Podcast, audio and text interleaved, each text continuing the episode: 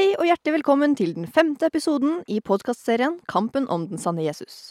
Mitt navn er Hanna Katarina Larsen, Og jeg er Lasko Sherkotagarani. og vi er masterstudenter på religion. Dagens tema er enhet og mangfold. Lasko, kan du presentere dagens læringsmål? Yes, i dag har vi to læringsmål på planen. Vi skal kunne presentere ulike perspektiver på kristologien i Det nye testamentet. Og så skal vi kunne drøfte hva Dunn mener med at kristologien til de kristne, altså de første kristne, var forward-looking, altså fremadskuende. I tillegg til det skal vi også se hvordan dette perspektivet endret seg. Dagens ekspert er Tor Vegge. Hallo! Hallo. Hvem er du? Jo, jeg er lærer på Universitetet i Agder, professor i bibelvitenskap, Skriften i Nytestamentet og tidlig kristendom. En ekspert her, altså.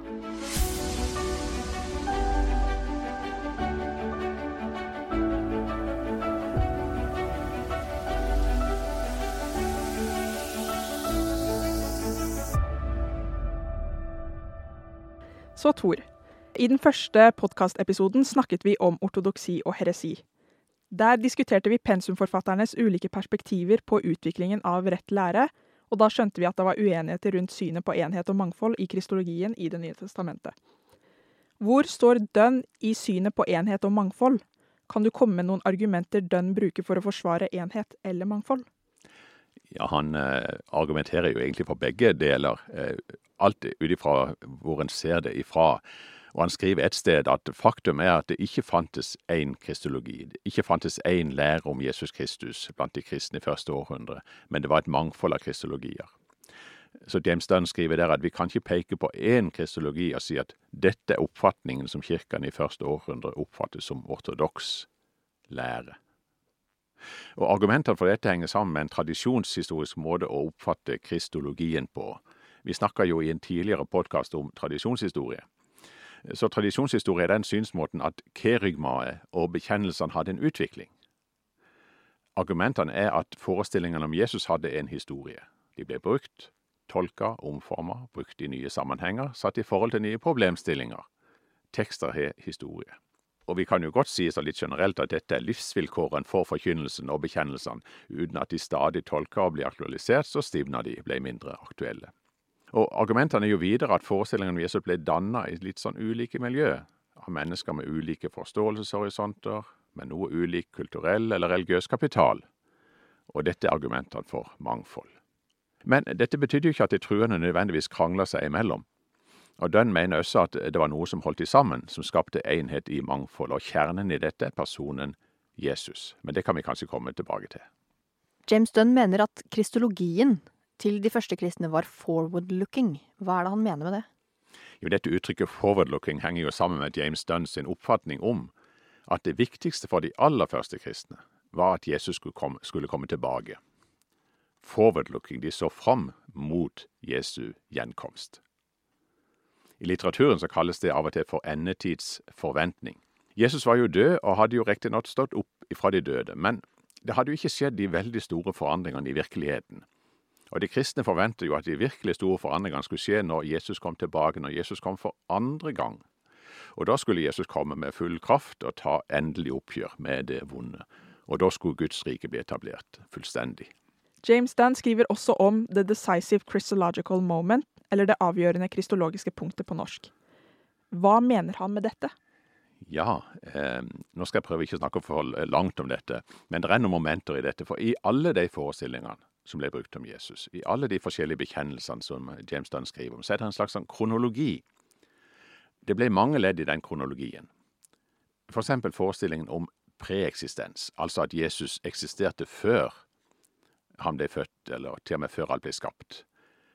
Forestillingen om inkarnasjon, at den guddommelige Jesus ble menneske. Og for det tredje om Jesu liv på jorda, det fjerde om Jesu lidelse, Jesu død, og det femte kanskje for ned til dødsriket, at han sto opp ifra de døde, så at han for opp til himmelen, og ble opphøyd ved Guds trone, og så at han skulle komme igjen. Og vi kjenner jo igjen i grunnen dette fra trosbekjennelsene, men alle disse momentene er jo ikke med i alle tekster. Så dette the decisive Christological moment, hvor henne var det avgjørende momentet, tidspunktet i denne kronologien? Og den hevder at det skjedde ei utvikling her. Alle disse momentene samla er jo en slags sammenfatning av utviklinga, men det eldste elementet var kanskje parusi, eller gjenkomst på norsk, som vi nettopp snakker om. Her var kanskje for de aller første kristne dette decisive Christological moment. Det punktet der Jesus viser seg som den guddommelige frelseren. Og det eldste svaret var kanskje akkurat dette, at Jesus viser seg som den guddommelige frelseren. Han kommer igjen. Når han kommer igjen med full kraft og skal ta det endelige oppgjøret med det onde og etablere Guds rike fullstendig. Men dette var litt forskjellig, og det tidligste tekstet i Nytestamentet er jo Paulus sine brev, som er skrevet sånn ca. 20 år etter at Jesus levde. Og Da Paulus skrev, så hadde det vært truende i 20 år. Og I Paulus brev så møter vi òg den forventningen om Jesu gjenkomst. Men Paulus, som vi snakker om, eh, konsentrerer seg også om Jesu død og oppstandelse. Så hos Paulus er kanskje Jesu død og oppstandelse det avgjørende punktet, der Jesus viser seg som Kristus, som frelseren. Og I noen senere skrifter igjen, f.eks. Johannesevangeliet, så er det forestillinger om preeksistens, og at han ble menneske. Så da er det enda et nytt moment. Så det er en slags kronologi i dette. Og så har den en idé om at eh, det skjedde jo dette at Jesus ikke kom tilbake igjen. Eh, det drøyde jo med Jesu gjenkomst. Og jo mer dette ble et problem, sier den, så ble de mer opptatt av andre ting enn Jesu gjenkomst. F.eks. Jesu lidelse og død og Jesu preeksistens. Så i disse forskjellige gruppene, og kanskje litt også med tida, så flytter dette avgjørende momentet seg liksom tilbake i tid på et eller annet vis. Så eh, det er det, det, den diskuterer der med dette The Decisive Christological Moment, som han gjør et, gjør et poeng ut av. Som jo setter fokus på det vi har snakket om, at det er en endring eller en slags utvikling i kristologien. Dette ble litt omfattende, men, men, men sånn er det. Han prøver å legge dette til rette. Så kort oppsummert så er det når Jesus ble Kristus, rett og slett? Når Jesus ble Kristus, ja. Et avsluttende spørsmål her. Ut ifra det vi har snakka om i denne episoden og i tidligere episoder, kan vi konkludere med at tekstene i Det nye testamentet er enhetlige eller mangfoldige? Vi må si på et eller annet vis begge deler, alt etter hvordan du ser det. For tekstene og uttrykkene er mangfoldige. Og det henger jo ikke minst sammen med det vi har snakket om, at de kristne hadde ulike bakgrunner. De snakker forskjellig om det guddommelige. Men den understreker likevel at det er noe grunnleggende som er felles. Og han skriver noe sånn som at dette er knytta til den historiske personen Jesus. Den som de bekjente som Kristus, er jo den historiske personen Jesus. Og den som de tror lever som du vil kjenne som Guds sønn og Messias, er det samme som den historiske personen Jesus. Det er liksom altså en enhet mellom den historiske personen og den opphøyde personen, som på en eller annen måte da er involvert i menneskers forhold til Gud. Så det er noe her likevel på en eller annen måte, for de tenkte litt forskjellig, uttrykte dette litt forskjellig. Men det er altså en enhet i den der koblingen mellom den historiske og den opphøyde Kristus. Og det er noe som de kristne var felles om. Og um, dette med de ulike perspektivene, det er at fra ei side sett så ser vi et mangfold, men vi kan også finne en slags, en slags enhet. Gjør jo dette problemstillinga og spørsmålsstillinga ganske spennende å undersøke og diskutere videre.